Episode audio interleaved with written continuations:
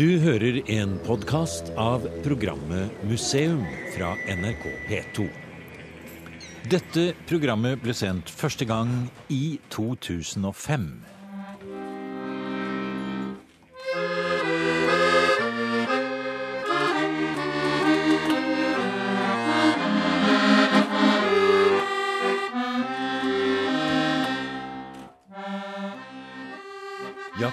Mikkelsen spiller en russisk melodi på trekkspillet sitt i stua i Kramvika like utenfor Kiberg. Opptaket ble gjort til et program om de mange nordmennene som reiste ut herfra og over fjorden til Fiskerhalvøya og Murmansk. De ble partisaner og kjempet på sovjetisk side under annen verdenskrig.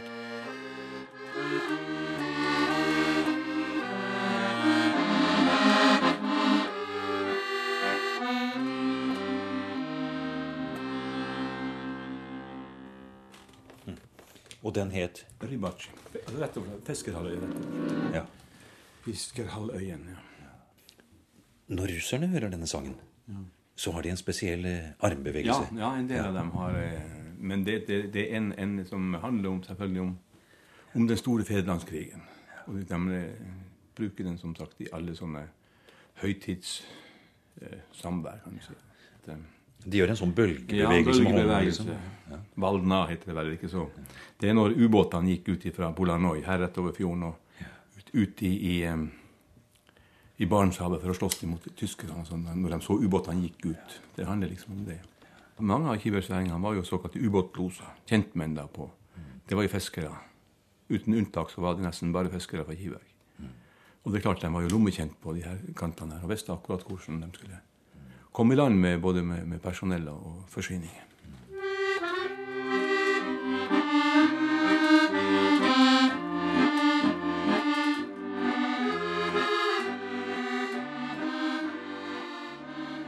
70-80 mennesker, kanskje flere, hele familier med kvinner og barn, flyktet til Sovjetunionen under krigen, fra Kiberg og bygdene innover Varangerfjorden. Mange mistet livet, og de partisanene som kom hjem etter krigen, fikk langt fra noen heltestatus. De ble møtt med mistenksomhet og spionrettssaker til langt ut i den kalde krigen. De fleste valgte taushet. Når vi i dag kan se med nye øyne på vår nabo i øst, la oss også bruke ressurser på å forstå vår egen nære historie på nytt. Jeg synes det er et godt utgangspunkt i ærbødighet å legge ned en krans på partisanbautaen i Kiberg. Det hjalp litt da kong Harald holdt sin berømte tale ved partisanminnesmerkene i Kiberg i 1992. Men ennå i dag sitter mye bitterhet igjen. Og fortsatt dukker det opp nye funn og historier som kaster lys over denne delen av vår krigshistorie. Her er Øretoppen, Gjelleklokka, sett fra sørvest, sett fra Eikhaugla. Dette er Harald Sunde, kommunelege i Kirkenes og lokalhistorisk forfatter. Her er han i full gang med å vise egne bilder for en interessert forsamling i Grenselandmuseet i Kirkenes. I august tok Sunde med seg kone og barn, en hyttenabo og familiens hund, og la ut på en ti timer lang ekspedisjon innover fjellet. Eh, ja, smil fra pappa, litt betenkt fra sønnen. Hva lokker far meg ut på nå? Det hadde kommet nye opplysninger om at det kunne finnes en partisanhule på det forblåste og trebare fjellområdet ut mot kysten like ved Kirkenes. Eh, hva fant vi? Et par ski. To par årer, hvor det ene paret var satt opp som antennevast. For Harald Sundes lille ekspedisjon fant virkelig partisanhulen på Øretoppen. Så godt som urørt, etter at den hadde vært hemmelig skjulested høsten 1944 for en partisangruppe på tre mann som lå i skjul her og rapporterte tyskernes bevegelser. To av medlemmene, Andrej Kosarev og Modolf Hansen, er døde. Men tredjemann, Gunnar Halvari, har nettopp fortalt sin historie til NRK-journalist Morten Jentoft. I Jentofts bok 'Mennesker ved en grense' kommer det fram helt nye opplysninger om at det var en partisanhule på Øretoppen ved Kirkenes. Jeg har vært på ski opp og ned fra Øretoppen og på tur der i 20 år. Aldri sett snutten av en hule. Nei, for én ting er å vite Øretoppen, ja. noe annet er å vite akkurat hvor. Øretoppen er en opprevet og, og vanskelig tilgjengelig topp. Og, og har jo flerfoldige 10-20 kvadratkilometer med goldt område som man må søke gjennom hvis man ikke har noe nærmere lokalisering enn Øretoppen. Men uh, Morten fikk et kart, og han dro ned og snakket med Gunnar Halvard i Moss og fikk mm. tegnet et kryss på det kartet. og da Pluss en lokalisering med en østvendt fjellvegg. Og da uh, kunne vi jo begynne å, å da, da, da, var jo søket mye lettere. Ja, Var det like i nærheten av der hvor vi krysset av på kartet? Var det der det, det var? Det, det var 300 meter fra. 300-400 meter. Ja. Fordi at han Gunnar han, han, var jo ikke helt sikker, selvfølgelig. Altså Det å se et moderne kart i forhold til hva man husker i hodet altså 60 år etter, det er jo ikke, det er jo ikke lett. altså. Så, men der hadde han faktisk ligget på magen med kikkert og, og, og sett utover fjorden? Altså. Ja, og ikke bare ligget på magen, men også da operert senderen. altså med, ja. Hvor man da hadde da kontakten med, med etterretningssenteret mm. utenfor, uh, utenfor Murmansk. Men hvordan så det ut akkurat der hvor dere fant det? Hvordan var det gjemt disse batteriene og de andre tingene som vi ser dere har her? Hva var det du så? Hvordan så du at her må det være? Nei, altså vi, vi, så det egentlig ikke, for det var jo ingenting som var, uh, lå framme i dagen. Uh, men det, det, var en svær, uh, altså et, et, klipperas som hadde gått fra en fjellvegg. Og alle som har gått forbi der, og det har sikkert vært mange fjellrypejegere som har gått forbi der i løpet av årenes løp, de går selvfølgelig på utsida, der hvor det er greit å gå. Flatt og fint. Eh, det vi gjorde, var jo at vi ålte oss på innsida av det klipperaset. Og det var jo mine barn Audun og Anne Mette som var først inn der, og de ropte jo med en gang vi har funnet et par ski og et par år, da! og, og, selvfølgelig kom jo da resten av gjengen etter, og da var det vi etter hvert fant uh, at innimellom disse steinblokkene som hadde rast ned, så kunne man altså åle seg inn som en røyskatt. Og da kom man ned i et rom på en ca. Eh, skal jeg tippe en seks kvadratmeter. Ikke veldig stort, syns jeg. Det var sånn trekantformet. Så. Og, og sånn, Nå har jeg vært noen ganger der, da, så jeg har jo med godt lys jeg har etter hvert klart å danne meg et bilde av hvordan de hadde laget det til. For de hadde jo tydeligvis torvsatt eh, grunnen der, sånn at det var mykt å ligge på. Og så hadde de lagt noe oljehyre over for å få det tørt. Og det var det fortsatt rester av. Både torv og oljehyre. Og så hadde de da reinskinn oppå der, eh, er blitt fortalt. Og så var det da primus i ett hjørne, og så var det en stabel med batterier i et annet hjørne. Og så var det noen greier som jeg drev og grov på innimellom der, og da plutselig oppdaget jeg at jeg satt med en håndgranat i handa. Og det som er med de håndgranatene, er jo at de stort sett bevarer sin sprengkraft, selv om, eh, mens det er sikringsmekanismen som ruster vekk. Så den la jeg da pent fra meg igjen, og vi forlot huleområdet. Men har senere hatt med folk fra eh, Heimevernet og, som har eh, lett gjennom området og sprengt det. Så her sto det en ryggsekk med et par-tre håndgranater her på museet da, før dere skjønte hvor farlig det var? Ja, vi hadde faktisk båret ned sprengstoff til museet her eh, uten å vite det på forhånd. For det var noen tennmekanismer for håndgranater vi hadde båret ned. Vi visste ikke hva det var for noe. Og de hadde nok sprengkraft i seg til å ta en arm hvis man holdt den i hånden og, og den gikk av. Men vi fant jo både støvler og eh, sannsynligvis en del av et morseapparat. Og vi fant masse ledningskveiler og, som da var uh, satt opp på årer som var brukt som antennemast. Uh, og, og, som sagt primus og batterier og ski og staver og litt av hvert sånt. Så, og selvfølgelig en del rester av gamle klær og, og sekker og sånn som ikke-styrker Bagland tok i det, som var relativt uinteressant sånn, i museumssammenheng. Men vi er i hvert fall ikke i tvil om at vi har funnet en partisanhule. Og det er heller ikke en tvil om hvem som faktisk satte den i, i stand i Jentoft? Nei da, altså eh, historien eh, den, den, var jo ukjent da, inntil da i alle fall ukjent for alle, omtrent unntatt den russiske sovjetiske etterretningstjenesten og da disse tre personene som hadde vært med på den. Inntil da Gunnar Halvard i dag fortalte meg, meg dette her. Og eh, det er jo noe av det mest utrolige. Altså, altså, At de har da valgt å ikke fortelle da om en eh, krigsbragd, da, som må jo si er av relativt stort, eh, stort, omfang. da. Man valgte da heller å ligge lavt, eh, ikke fortelle denne historien, fordi at den, eh, hvis de hadde fortalt den, så ville da, følte de da, bare ført til problemer for dem selv. Det helt nye funnet på Øretoppen vekker stor interesse. Og denne kvelden skal partisanutstillingen på Grenselandmuseet Kirkenes gjenåpnes, og gjenstandene fra hula vises for første gang. Og Harald Sunde har invitert oldebarnet til Modolf Hansen, Benedikte på elleve år. Hun har skrevet oppgave om partisanene på skolen, og nå skal hun høytidelig klippe snoren og innvie den nye utstillingen. Herved erklærer utstillinga som åpen. I hånden har Benedikte et par helt utslitte lærsko. De ble funnet i hula, og har antagelig tilhørt Benediktes oldefar. Historien eh, tilsier i hvert fall at Modolf Hansen, som jeg kjente godt i mange år, og som døde for to år siden, han var en av partisanene som lå i hula. Han ble brukt som travhest sier uh, Juri Koserev, broren til Andrej, som også var der. Han hadde klaget over han, uh, Modolf, at han hele tiden måtte springe opp og ned i fjæra for å hente alt utstyret. Så det som da skjedde med ham, var at han, uh, at han uh, sleit ut skoene sine, og var etter hvert, uh, hvert veldig dårlig skotøy der oppe. Og Det som da skjedde, var at um, en tysk vaktbåt ble beskutt ute i Jarfjord, Varangerfjorden, og kom inn da i Holmen Gråfjorden, like nedfor hula akkurat der, i samme bukta som de selv var blitt ilandsatt eh, da noen uker i forveien. Eh, og de, eh, Tyskerne kjørte den båten opp i fjæra, og den ble liggende der. og De gikk i land, men det var to som var døde. og De ble liggende igjen, mens, mens de overlevende tyskerne de hadde da klart å sende nødbluss, og de ble hentet. Men båten lå igjen, og disse likene lå igjen. Og ut fra båten kunne da disse norske partisanene hente masse forsyninger. For de så dette fra ja. hjemmestedet sitt? Ja, da, og de hadde jo lurt på om de rett og slett skulle plaffe dem ned.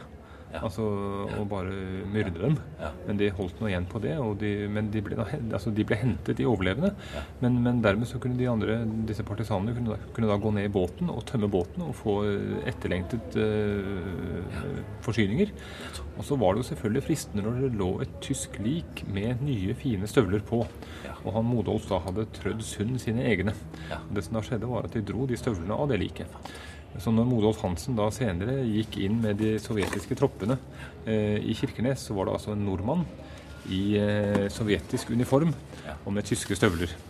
Og Når vi da finner et par utslitte støvler og en løs såle ved siden av, og på fjellet, så har vi jo veldig sterk mistanke om at dette her er Modolf Hansen sine utrådde sko.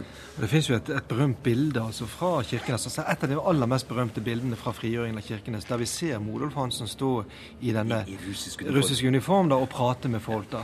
Men bildet blir jo da dobbelt interessant når vi vet at han står der og egentlig ikke forteller hva han har vært med på. Han fortalte det heller aldri senere.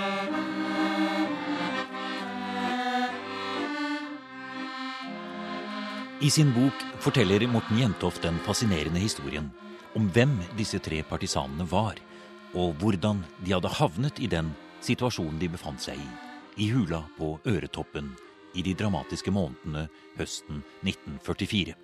Oppgaven deres var å observere bevegelsene til tyske troppetransportskip og telegrafere opplysningene tilbake til den russiske etterretningstjenesten i Murmansk.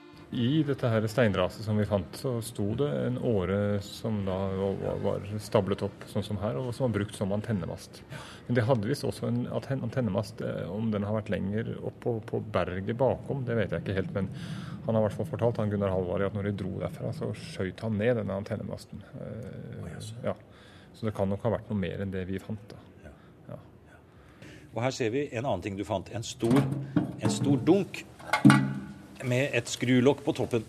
Og når dere fant den, så var det vann eh, i den, sier du?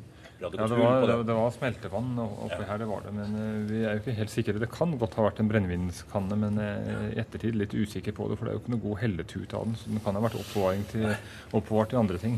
Ja, fordi at man måtte jo ligge i skjul her. Og det var jo ikke snakk om å gå ned i bygda og skaffe forsyninger, kanskje. Så man måtte ha med seg det man skulle ha og Man visste jo heller ikke hvor lenge man kunne bli liggende der. Nei, og dette med brennevin, altså det, det var noe som hørte med i ja. disse partisangruppene sin, sin utrustning. Ja. Og eh, disse hadde jo med seg betydelige mengder ren sprit. altså Her snakker vi ikke om et par flasker, men her snakker vi om dunker. altså Jeg vet ikke hvor mye som går ned sånn dunk. 15-20 liter, kanskje. Altså flere, flere dunker, da. Og eh, Historien er jo også den at eh, eh Riktignok så forlot de da denne leiren da i 1944, Men eh, det var eh, folk som da like etter krigen var en liten tur oppe da for å i, i alle fall sikre seg at den spriten kom på, på rette hender. Så den delen av utstyret den ble ikke overlatt til historien. Men vi vet jo at de gjorde selvfølgelig eh, veldig godt arbeid. For her borte Sunde, så har du en annen liten ting, hvis du kan ta fram den som ligger her. fordi at når vi snakker om radiosender, ja, så snakker vi jo selvfølgelig om, eh, om eh, altså morse. Eh, man sendte telegrafi. Eh, ikke sant? Og nå, hva er det du har i hånden her? Jeg tror vi har eh, en morsenøkkel, altså akkurat den saken som man sitter og, trykker fingeren på for å få sendt signalene. Det er i hvert fall en liten rund sak her med en liten metallpigg under, mm. som kan være resten av et morseapparat. Det må vi nok få bekreftet fra andre i så fall. Mm, nettopp. Og her ser vi også en eh, primus. Eh, det var også da noe dere fant eh, der oppe, ikke sant? Den som står her, Det står en, en, en enkel primus, en kraftig plate som det kan settes en beholder oppå, og så kan man varme opp mat selvfølgelig ja. på den. Ja, da, Den sto i hjørnet inne i hula og er bekreftet at den er av sovjetisk type. Det var en av de på museet som kunne bekrefte det. Uh, og, og, litt bortenfor der var det vi fant stabelen med batterier. Og imellom der, når jeg satt og grov på, for å leite etter mer i torva der, så plutselig satt jeg med en håndgranat i handa. Og det var litt uh, mer skummelt. Men uh, den har vi nå fått uskadeliggjort, og ja. det gikk bra. Fire turer opp og ned har Harald Sunde og museets folk gått med fullastede ryggsekker med ukjent krigshistorie. Nå er akkurat denne puslespillbiten i partisanenes historie sikret. Men det er fortsatt mye vi ikke vet, sier Morten Jentoft. I sitt arbeid med boken har han gjennomgått frigitt russisk arkivmateriale, og har også studert det som skjedde med alle de norske som ble sendt bak fronten. Omtrent halvparten av alle som flyktet til Sovjetunionen fra Norge, særlig kvinner og barn, ble plassert i en leir øst for Uralfjellene. Ja, eh, og denne delen av historien har jo også vært helt fortiet. Altså det at det var i fire år under krigen et lite norsk samfunn bak Ural. Det er jo også da en nesten helt ukjent eh, historie. Jeg var selv overrasket over hvor minimalt som var skrevet om dette noen ytterst få linjer tidligere, da jeg begynte å jobbe med dette stoffet her. La oss tenke at det hadde vært et norsk flyktningesamfunn la oss nå si i Argentina eller andre steder ute i verden, kvinner og barn som bodde sammen. Det hadde jo vært en viktig del av norsk eh, krigshistorie.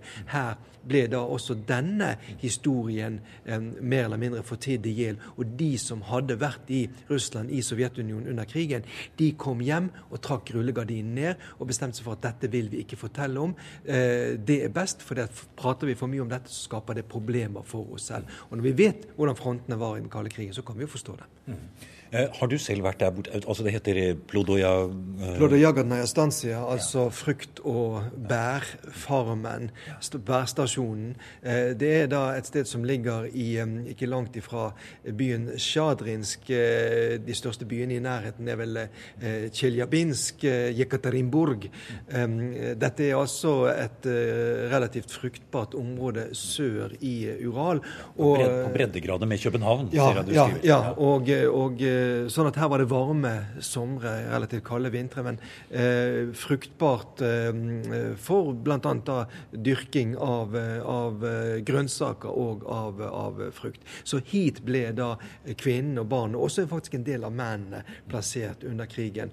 Og det finnes jo da vel 20 norske, kvinner, norske barn eh, som der borte da eh, fikk sin skolegang, fikk sin ungdom der, og som kom da tilbake til Norge etter krigen. Og Når vi så går utover på 50-tallet, så skulle man jo tro at krigen mer eller mindre var slutt. Det var den kalde krigen, riktignok. Men det som da skjer i historien om partisanene, det er jo at noen av dem er blitt fengslet i Sovjetunionen.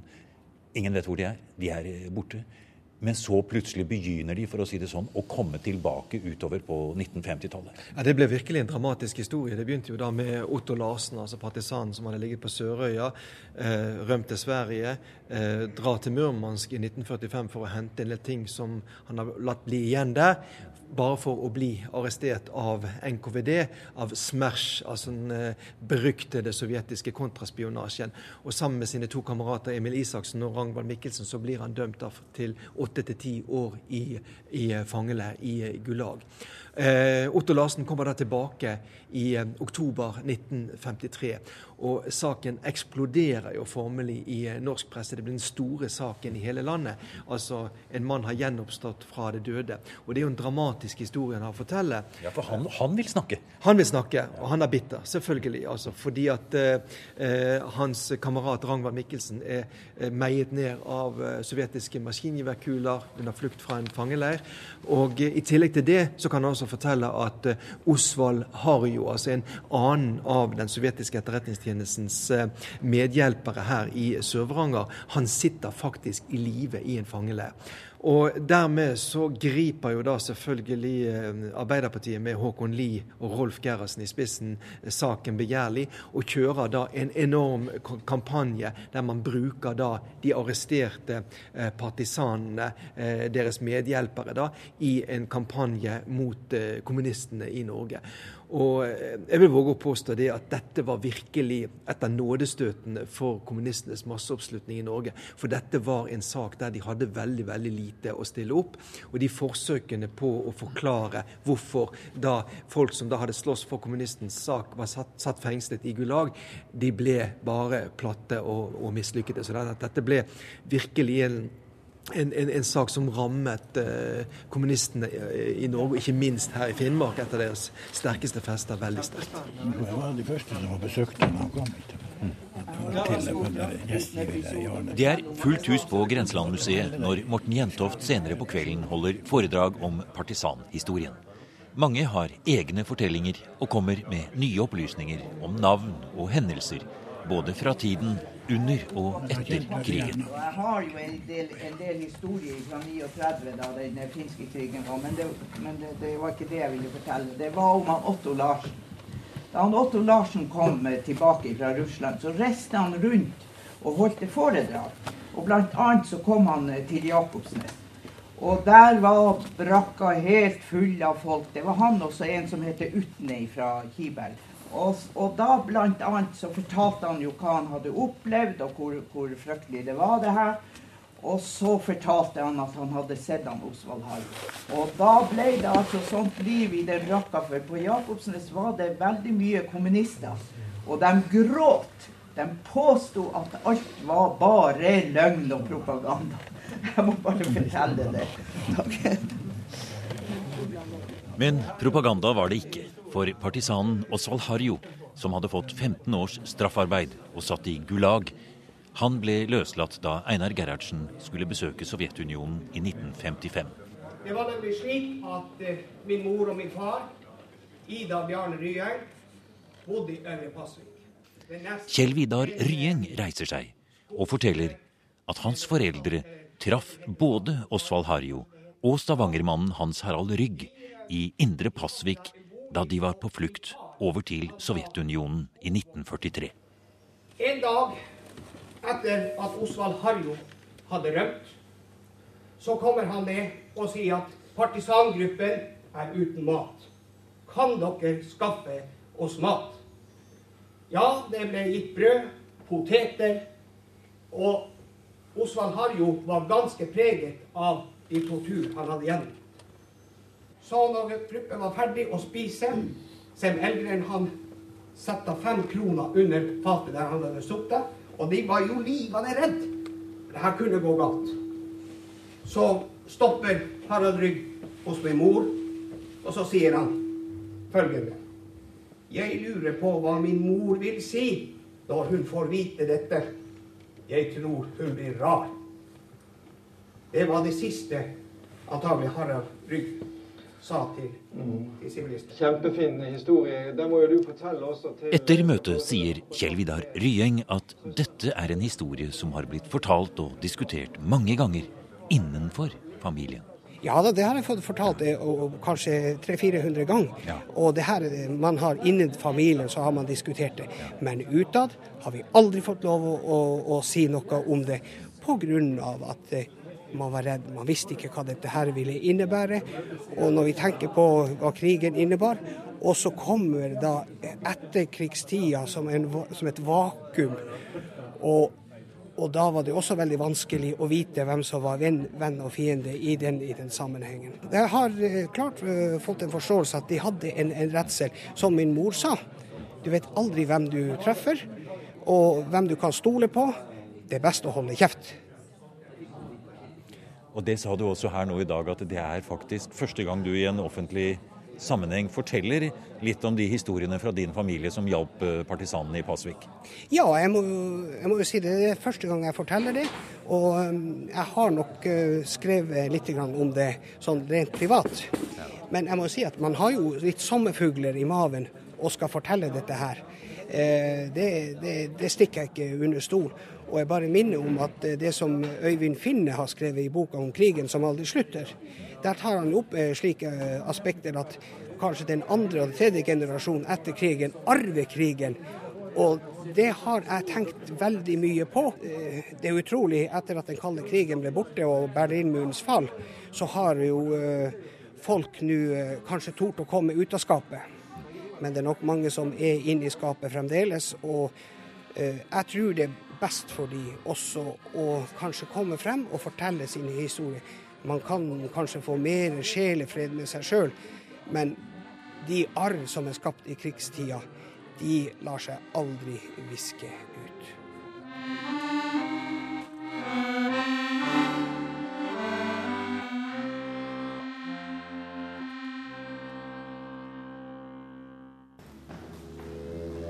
Du har nå hørt en podkast av programmet Museum fra NRK P2. Og send gjerne en e-post til museum krøllalfa nrk.no.